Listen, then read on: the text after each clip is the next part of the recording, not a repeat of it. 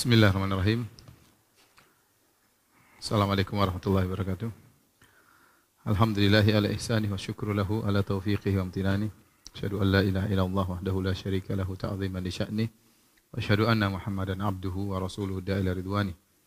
Allahumma salli alaihi wa ala alihi wa ashabihi wa ikhwani. Para pemirsa yang dirahmati Allah Subhanahu wa taala. Insyaallah pada kesempatan kali ini kita akan bahas tentang ismu Allah atau Al-Ilah. Ya, tapi sebelumnya masih ada uh, sedikit kaidah yang harus kita sampaikan, ya. Uh, di antaranya kelanjutan dari kemarin tentang nama-nama Allah yang 99. Telah kita jelaskan Nabi SAW bersabda, Inna lillahi tis'atan wa tis'ina asman man ahsaha dakhalal jannah. Sungguhnya Allah memiliki 99 nama. Barang siapa yang menguasainya, yaitu memahaminya, berdoa dengannya, mengamalkannya, maka dia akan masuk surga. Ini adalah uh, motivasi yang sangat agung tatkala seorang berusaha mengenal 99 nama tersebut. Karena kalau dia kenal 99 nama tersebut, dia mengerti maknanya, dia menjalankan konsekuensinya, dia berdoa dengan nama-nama tersebut, dia pahami, maka dia telah melakukan ihsa, yaitu dia menguasainya, maka dia akan masuk surga. Nah, 99 nama tersebut apa saja ya? 99 nama tersebut apa saja? Uh, Tapi yang dirahmati Allah Subhanahu wa taala ya. Uh, tidak tidak ada hadis sahih ya. Tidak ada hadis sahih yang menentukan 99 nama tersebut.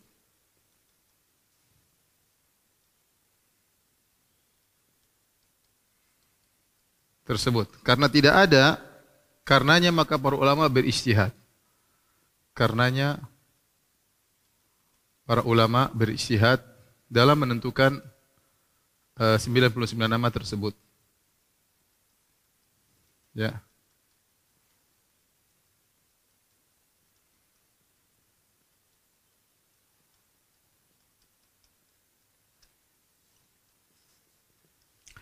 Uh, salah seorang uh, bahis ya atau seorang bahifah pembahas peneliti dia mencoba meneliti nama-nama tersebut ya dikumpulkan.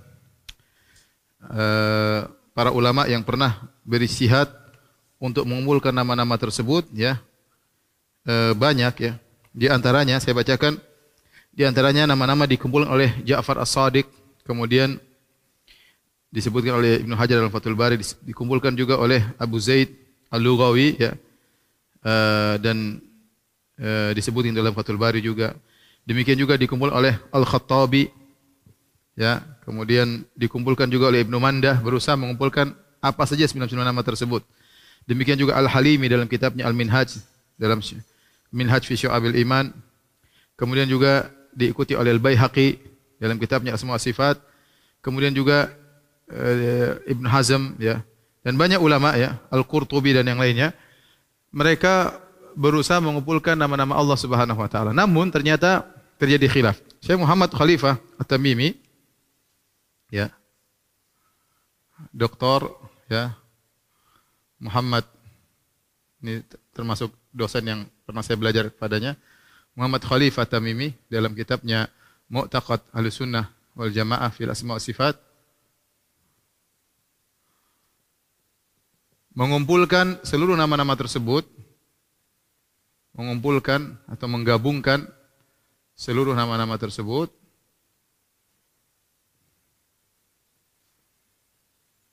sebut yaitu eh, sekitar 150 nama, yaitu kurang dari 150, ya 140 sekian, sekitar 150 nama. Ya, jadi ada nama-nama yang disepakati dan nama-nama yang diperselisihkan. Yang 150, 150 nama ini ada nama-nama yang disepakati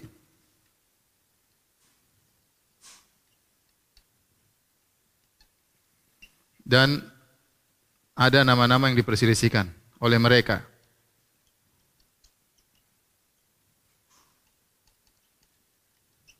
Oleh mereka, oleh para ulama tersebut ya. Para ulama tersebut saya sebutkan di antaranya Ibnu Manda, di antaranya Al-Khattabi dan Al-Qurtubi ya uh, Al-Baihaqi dan yang lainnya ya. Nah, sebagian uh, penuntut ilmu berusaha mengumpul nama-nama yang disepakati sekitar 89 nama ya. 89 nama. Ya. Berarti sisanya yang mereka perselisihkan ini dalam menentukan sepuluhnya apa saja. Tapi 89 nama mereka sepakati. Ini sekedar penjelasan karena nanti kita akan mendepankan menyebutkan 89 nama baru sisanya kita bahas selanjutnya. Jadi yang disepakati sekitar 89 nama dari ulama tersebut, yang diperselisihkan sekitar 10 sehingga kalau digabungkan seluruhnya sekitar 140 sekian nama ya. Uh, tidak ada hadis sahih yang menentukan 99 nama tersebut ya. Namun ya, namun datang hadis dhaif. Namun datang hadis dhaif datang uh, penentuan nama tersebut nama-nama tersebut yang yang 99 dalam riwayat-riwayat yang lemah.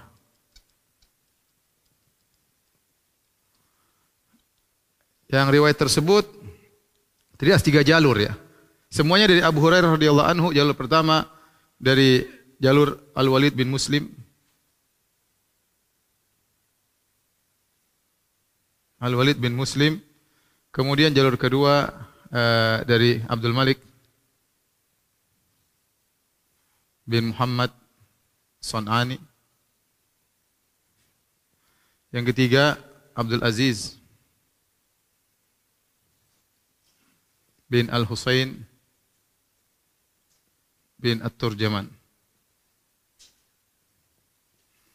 Uh, adapun Al-Walid bin Muslim diriwayatkan di antaranya oleh uh, At-Tirmidzi kemudian Al-Hakim, Ibn Hibban, Al-Baihaqi, dalam kitab-kitab mereka, Tirmidzi dan Sunan Tirmidzi, Abdul Malik bin San'an diriwayatkan oleh Ibnu Majah. Kemudian riwayat dari Abdul Aziz bin Husain dari uh, riwayat uh, Al-Hakim. Kemudian diikuti juga oleh Al-Baihaqi.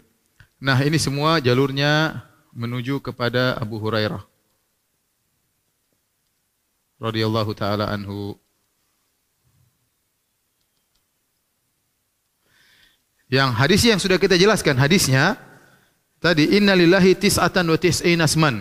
Nabi bersabda, sungguhnya Allah memiliki 99 nama. Barang siapa yang menguasainya masuk surga.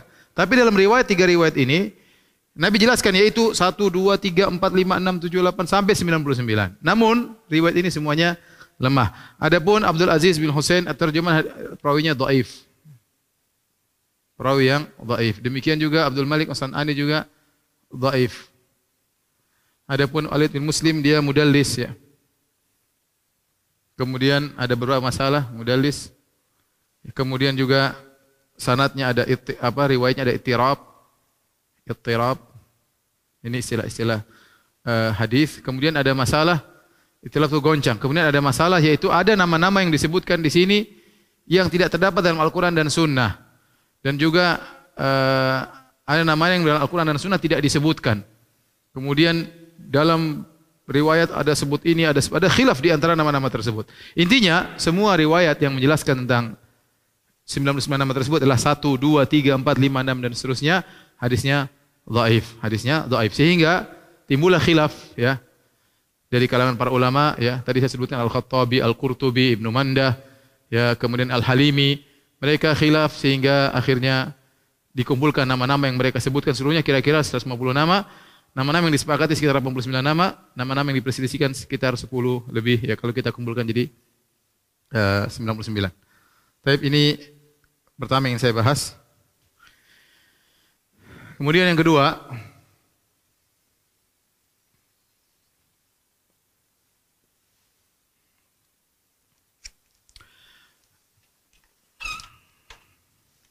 Nama-nama Allah, kalau kita mau bagi nama-nama Allah,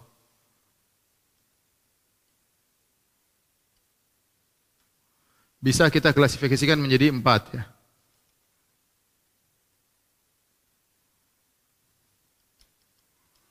Yang pertama nama-nama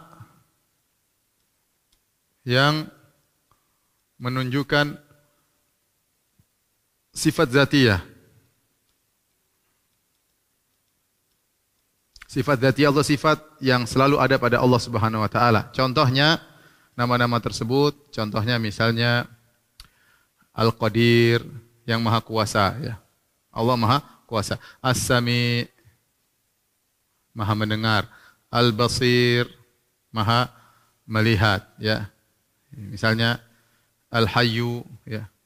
Maha hidup ya. Ini contoh nama-nama yang uh, berkaitan dengan uh, sifat zatiyah Allah. Disebutkan oleh Syekh Abdul Razak ya dalam kitabnya Fiqh Asmaul Husna ya. Contohnya Al-Qawi Al-Aziz ya. Kemudian di antaranya uh, ini kira-kira nama-nama tersebut Al-Alim. Ini semua berkaitan dengan sifat-sifat zatiyah ya. Al-Qadir artinya Maha Kuasa.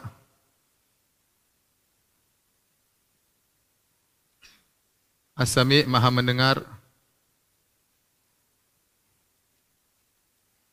Al-Basir Maha melihat. Al-Hayyu Maha hidup. Al-Qawi Maha kuat. Al-Aziz Maha perkasa. Maha perkasa Al-Alim, Maha berilmu. Mengetahui. Ini jenis pertama, nama-nama yang menunjukkan sifat zatiyah Allah Subhanahu wa taala. Sifat zatiyah Allah.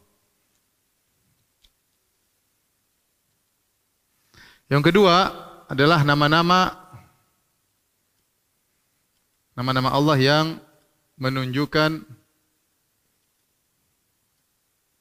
sifat fi'liyah. Sifat fi'liyah ini sudah kita jelaskan dalam masalah akidah wasiti. Apa sifat fi'liyah, sifat dzatiyah?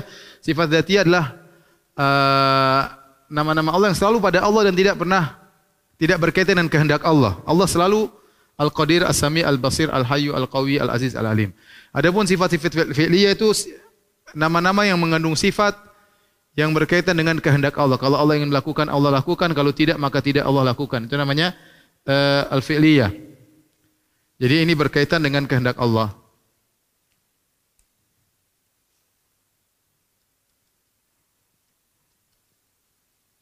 Kehendak Allah.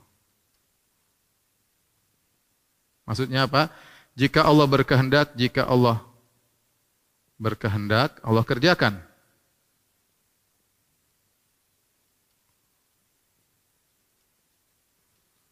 Jika tidak maka tidak, jika tidak maka tidak. Itu maksudnya, ya. Contoh misalnya Al-Ghafur. Maha Maha memaafkan. Maha pengampun. Dia Allah tidak senantiasa mengampuni, ada yang Allah ampuni, ada yang Allah tidak ampuni. Contohnya. Terkadang Allah mengampuni, terkadang Allah tidak. At-Tawwab. Sama, maha penerima taubat. Maha penerima taubat. Ya. Contohnya misalnya Ar-Razzaq.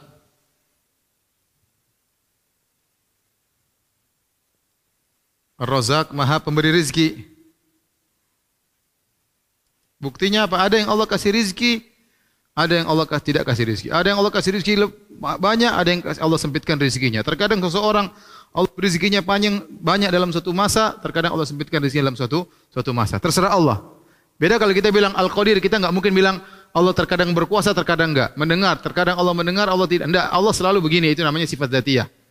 Adapun sifat fi'liyah atau nama-nama yang mengandung sifat fi'liyah adalah seperti ini. Nama-nama Allah Al-Ghafur, At-Tawwab, Ar-Razzaq, uh, misalnya Ar-Rahim, ya.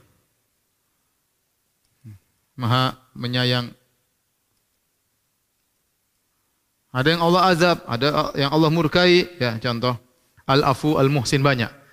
Ini model kedua nama-nama yang mengandung sifat zatiyah. Kemudian yang ketiga nama-nama Allah yang mengandung makna pensucian. Makna pensucian Allah dari kekurangan. Kekurangan dan aib. Contoh nama-nama eh, tersebut ya, misalnya assalam, as-subuh ya. Contohnya adalah assalam. As-subuh ya.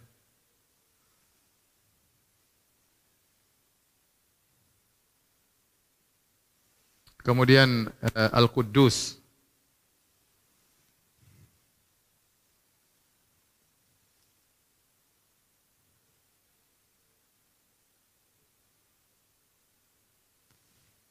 Di antaranya uh, Al-Quddus ini ya.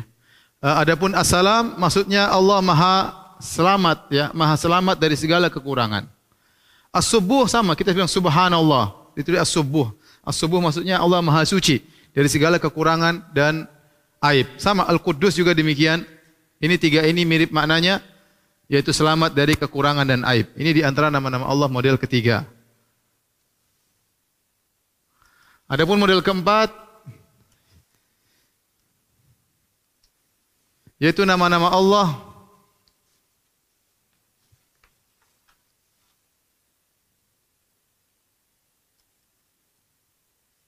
yang menunjukkan beberapa sifat yang sempurna ya. Ini ada beberapa nama-nama tersebut contohnya adalah Al-Majid ya. Al-Majidu ya, maha luas ya. Al-Majid itu maha agung. Sebutkan lagi Al-Azimu Al-Azimu ya. Contohnya Al-Hamid. Al-Hamid uh, As-Samad ya. Nanti insya Allah akan datang penjelasannya ya. Al-Majid maksudnya Maha Agung kalau kita Al-Majid itu menunjukkan luas agung. Kenapa Allah disebut dengan Al-Majid? Karena banyak sifat-sifat Allah yang agung sehingga dia disifati dengan Al-Majid. Disebut Al-Azim, dia bukan makna khusus tapi dia makna umum. Al-Azim memberikan kandungan Allah Maha Agung dalam segala hal. Maka disebut dengan Al-Azim. Al-Hamid bukan bukan sifat khusus seperti Al-Ghafur, memaafkan, Ar-Razak, memberi rezeki. Ini sifat-sifat khusus. Ini sifat-sifatnya umum. Al-Hamid Maha terpuji. Kenapa dia terpuji? Karena dia mengandung banyak sifat-sifat yang sempurna. As-Samad. As-Samad itu Maha tidak membutuhkan kepada yang lain dan semuanya butuh kepada dia. Ini tidak ada makna khusus tapi uh, apa maksudnya uh, mengandung makna yang banyak terkandung dalam satu makna. As-Samadu. As-Samadu itu maha tidak membutuhkan yang lain dan semuanya butuh kepada dia. Ini contoh-contoh nama-nama Allah model yang keempat ya. Insyaallah uh, setelah ini insyaallah kita akan bahas satu persatu biidznillah taala. Tapi kalau sudah tolong dihapus.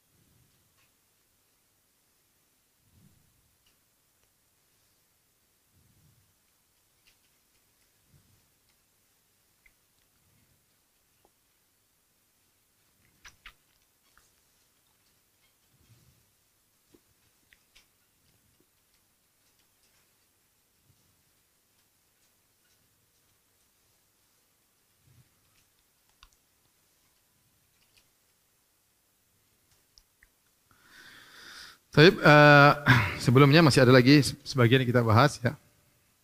Terakhir sebelum kita sebutkan makna Allah atau al-ilah yaitu uh, kesalahan-kesalahan berkaitan dengan al-asmaul husna nama-nama Allah.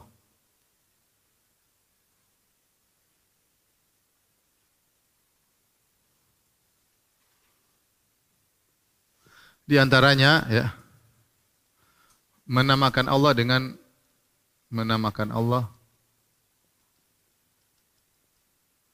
dengan nama tanpa dalil. kita sudah sebutin bahwasanya nama itu harus pakai dalil. Tidak boleh karena kata Nabi, sammaita bihi nafsak, engkau menamakan dirimu sendiri. Maka tidak boleh kita namakan Allah dengan nama sendiri. Contoh, uh, orang-orang Nasara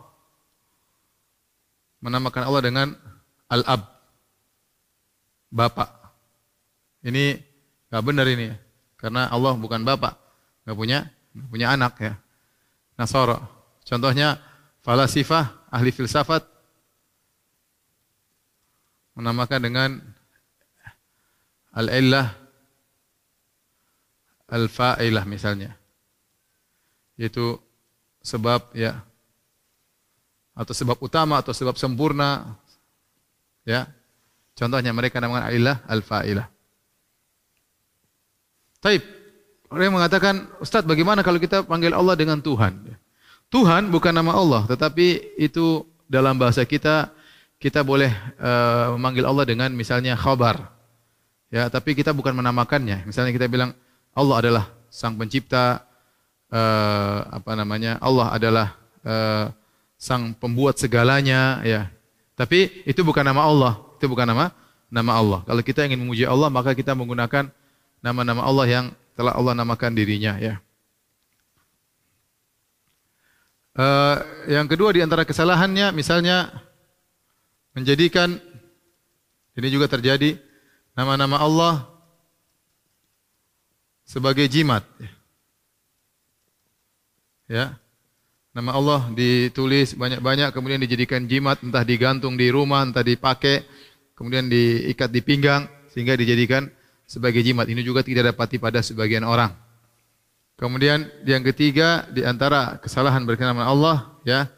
Misalnya adalah uh, berzikir dengan hanya mengulang-ulang ya mengulang-ulang satu nama Allah misalnya yang hal ini tidak pernah diajarkan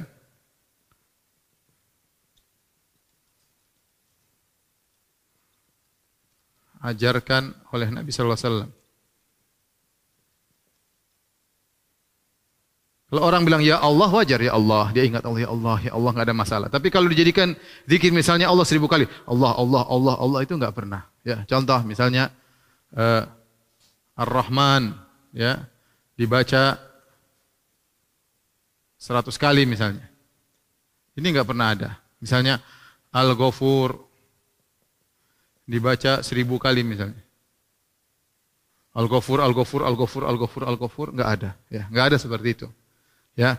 Cara beribadah dengan nama Allah adalah dengan berdoa menyebut nama Allah tersebut sesuai dengan yang kita inginkan, ya. Ya. Atau kita apa namanya adapun menjadikan Ar-Rahman Ar-Rahman Ar-Rahman Ar-Rahman Ar-Rahman terus sekali dengan jumlah tertentu, maka ini tidak pernah diajarkan oleh Nabi dan para para sahabatnya. Di antara kesalahan yang berkaitan dengan nama-nama Allah Subhanahu wa taala. Dan kebanyakan rata-rata ya zikir Nabi adalah jumlah mufidah ya. Jumlah mufidah yaitu uh, kalimat yang sempurna.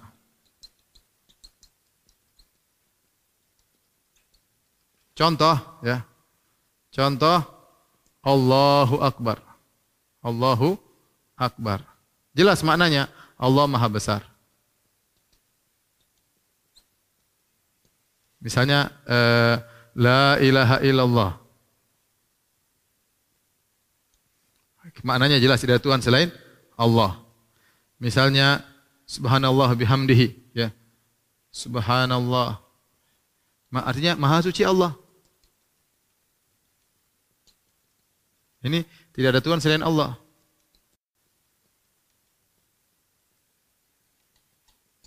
Dan demikian ya. Subhanallah bihamdi subhanallah azim la haula wala quwata illa billah misalnya la haula wala quwata illa billah Contoh subuhun kudusun rabbul malaikati war ya. Subuhun kudusun ya. Rabbul malaikati war jelas rabbul malaikati war. Allah dialah subuh dan kudus dialah penguasa malaikat dan Jibril. Maknanya jelas. Tapi kalau kita misalnya bilang begini, contoh yang salah?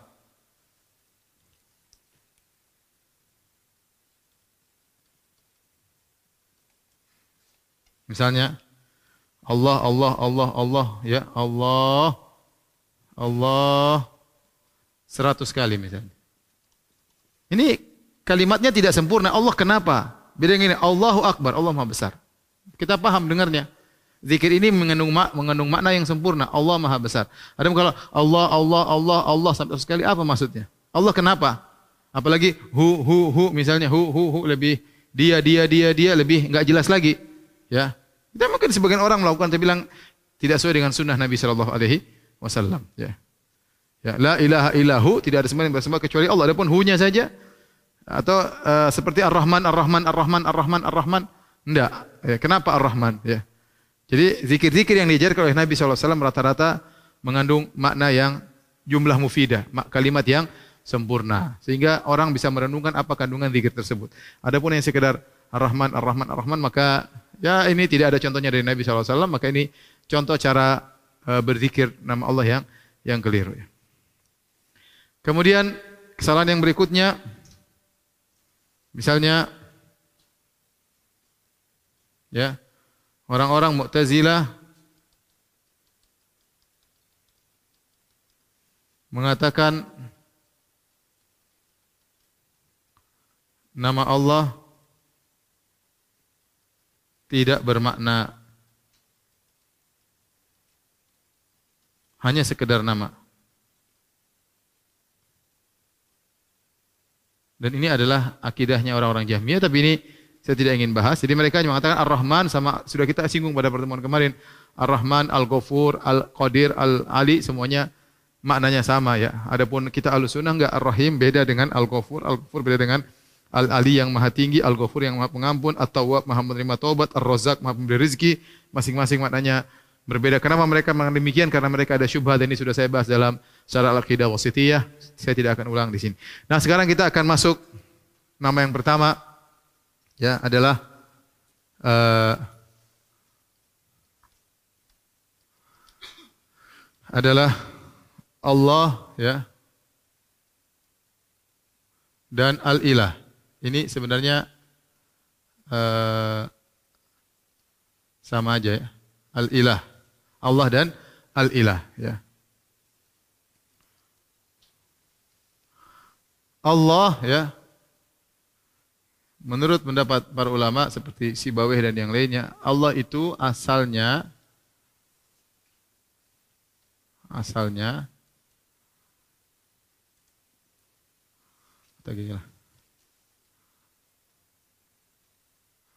Allah asalnya dari alif lam plus ilah ilah. Digabung ya. Alif lam untuk ma'rifat. Lil ma'rifat ya. Digabung menjadi al ilah al ilah uh, alillah bukan alillah ya. Alillah ya al jadi al ilah. Kemudian ini dihilangkan, hamzah dihilangkan menjadi Allah.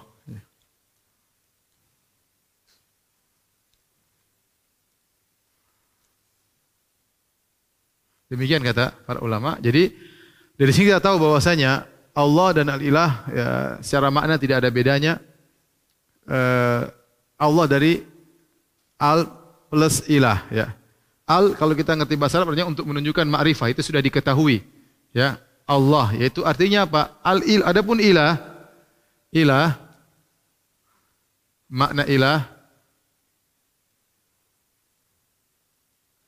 ilahun ya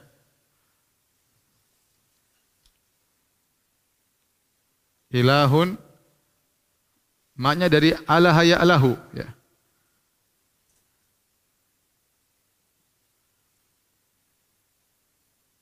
Yang artinya sama dengan uh, beribadah. ilah wazannya fi'al maknanya maf'ul. Contoh kitab maknanya maktub. Ini yang ngerti bahasa Arab. Sehingga ilah artinya sehingga ilah fi'al artinya makluh sama dengan ma'bud yang disembah. Sama dengan yang disembah. Ya. Kata Ibnu Mas'ud atau Ibnu Abbas radhiyallahu anhu, qala Ibnu Abbas Ibn Abbas tatkala menafsirkan makna Allah ya dia mengatakan zul uluhiyah wal ma'budiyah ala khalqihi ajma'in.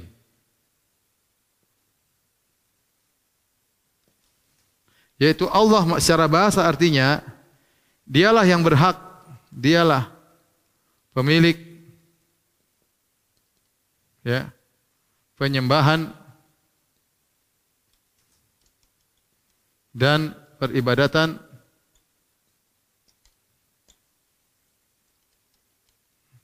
Dari seluruh makhluknya.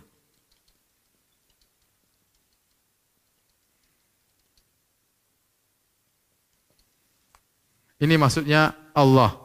Karenanya dengan kita mengetahui Allah maknanya dari al-ilah artinya yang disembah, al-ma'bud maka tidak ada yang berhak disembah kecuali Allah Subhanahu wa taala dan itulah makna dari la ilaha illallah yaitu artinya sama dengan tidak ada yang berhak disembah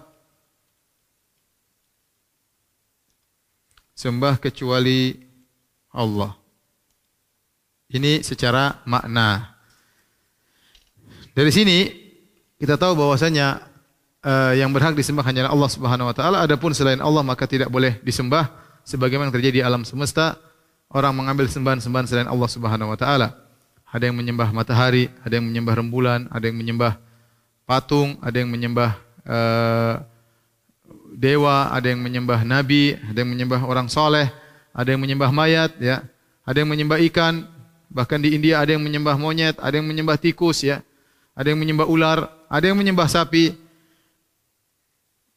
Semua tidak boleh. Jangankan uh, hewan-hewan, malaikat tidak boleh di, disembah. Nabi-nabi tidak boleh disembah, apalagi yang sekedar orang soleh, apalagi yang sekedar uh, apa namanya orang sudah meninggal dunia, apalagi sekedar benda-benda mati, pohon, kemudian batu, apalagi hewan-hewan yang menjijikkan, ya uh, bagaimana mau di, disembah. Nah, seorang tatkala memahami makna al-ilah dia tahu bahwasanya yang berhak disembah hanyalah Allah Subhanahu wa taala. Ini makna sederhana daripada al-ilah atau Allah Subhanahu wa taala. Ya. Ini kita bicara makna ya. Kemudian yang kedua yang terakhir kita bahas adalah kekhususan nama Allah. Di antaranya banyak khususannya di antaranya Allah adalah adalah uh, sumber semua nama. Ya. Maka kita katakan Asmaullahil Husna, nama-nama Allah yang indah. Allah ini punya nama yang banyak. Dia adalah sumber nama utama. Nama yang pertama adalah Allah Subhanahu wa taala. Tidak boleh ada nama-nama kita tidak mengatakan di antara nama Ar-Rahman adalah Allah, tapi kita bilang di antara nama Allah adalah Ar-Rahman. Kita mengatakan di antara nama Allah adalah Ar-Rahman, Al-Ghafur dan seterusnya. Tidak sebaliknya, tidak sebaliknya. Tidak kita mengatakan di antara nama Ar-Rahman adalah Allah. Tidak boleh. Apa dalilnya? Banyak dalam Al-Quran. Kata Allah Subhanahu Wa Taala, Allahu la ilaha illa huwa lahul asmaul husna. Dialah Allah pemilik nama-nama yang terindah. Jadi Allah yang memiliki nama-nama yang yang indah. Dia sumber dari semua nama.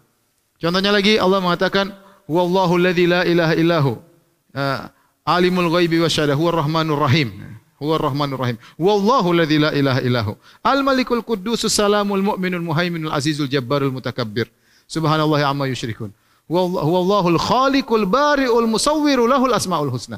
Semuanya adalah nama-nama Allah Subhanahu wa taala. Jadi nama-nama yang sedang kita bahas ini adalah 99 nama dan lebihnya adalah nama-nama Allah. Jadi Allah adalah sumber dari semua nama, bukan sebaliknya. Uh, saya lupa di sini ada yang nomor lima, ya.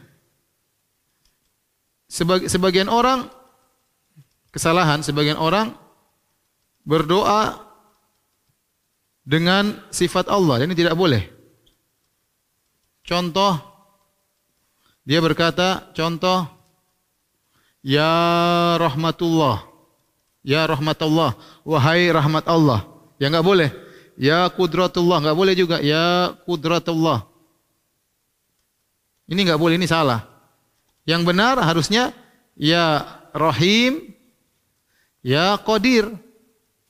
Karena yang dipanggil adalah nama. Bukan sifat. Seorang tidak mengatakan wahai rahmat Allah. Enggak boleh wahai sang maha rahmat. Itu yang benar. Tidak boleh ya kudratullah, wahai kekuatan Allah, kekuasaan. Tidak boleh. Kita bilang ya qadir, wahai sang kuasa. Taib kembali kepada kekuasaan nama Allah. Ya. Yang kedua, Allah adalah nama yang khusus buat Allah.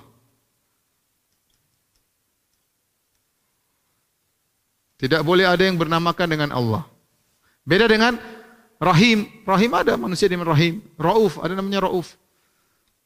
Ya, ada nama Allah, Allah enggak boleh. Ada nama-nama Allah yang, yang yang boleh hanya untuk Allah seperti Allah, Khalik, ya pencipta, ya.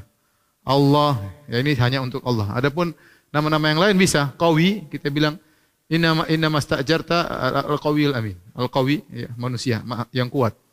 Ya, adapun nama Allah hanya untuk Allah Subhanahu wa taala. Yang ketiga, ketika kita uh, dalam bahasa Arab ketika kita memanggil Allah, menyeru Allah, maka kita berkata,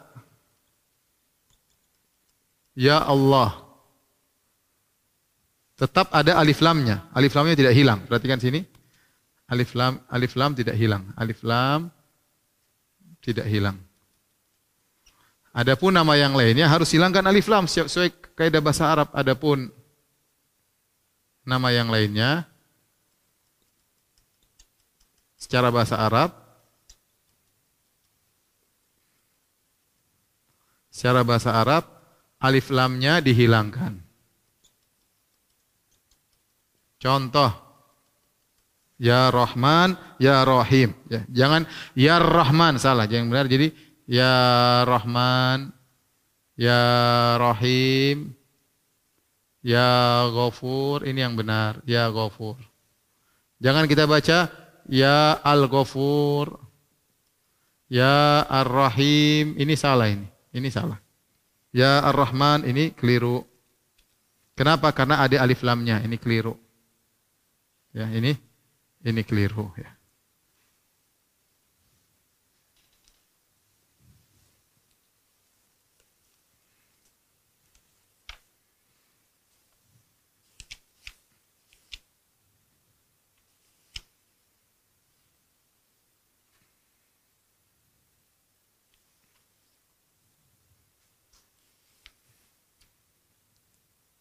Di antara keistimewaan nama Allah ya. Di antaranya empat dialah nama nama yang paling banyak datang dalam Al-Qur'an. Di antaranya juga dialah nama yang paling banyak disebutkan dalam zikir datang dalam zikir. Zikir-zikir Nabi. sallallahu alaihi wasallam. Ini ya. Uh, kalau kita bilang ya Allah secara bahasa Arab, ini saya perhatikan sini. Ya Allah. Ya Allah bahasa Arabnya ini bisa juga ya Allah di, sama dengan Allahumma. Allahumma itu maknanya sama dengan ya Allah.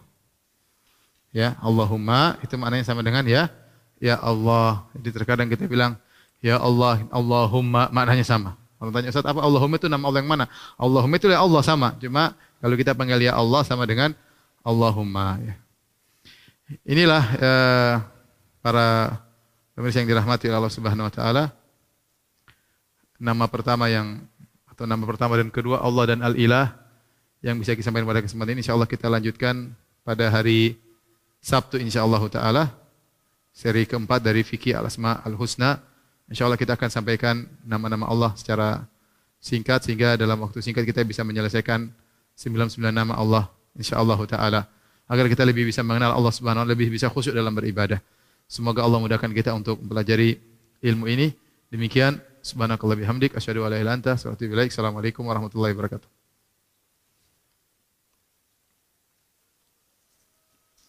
Ayo, segera download Quran Tadabbur, tafsir dalam genggaman Anda.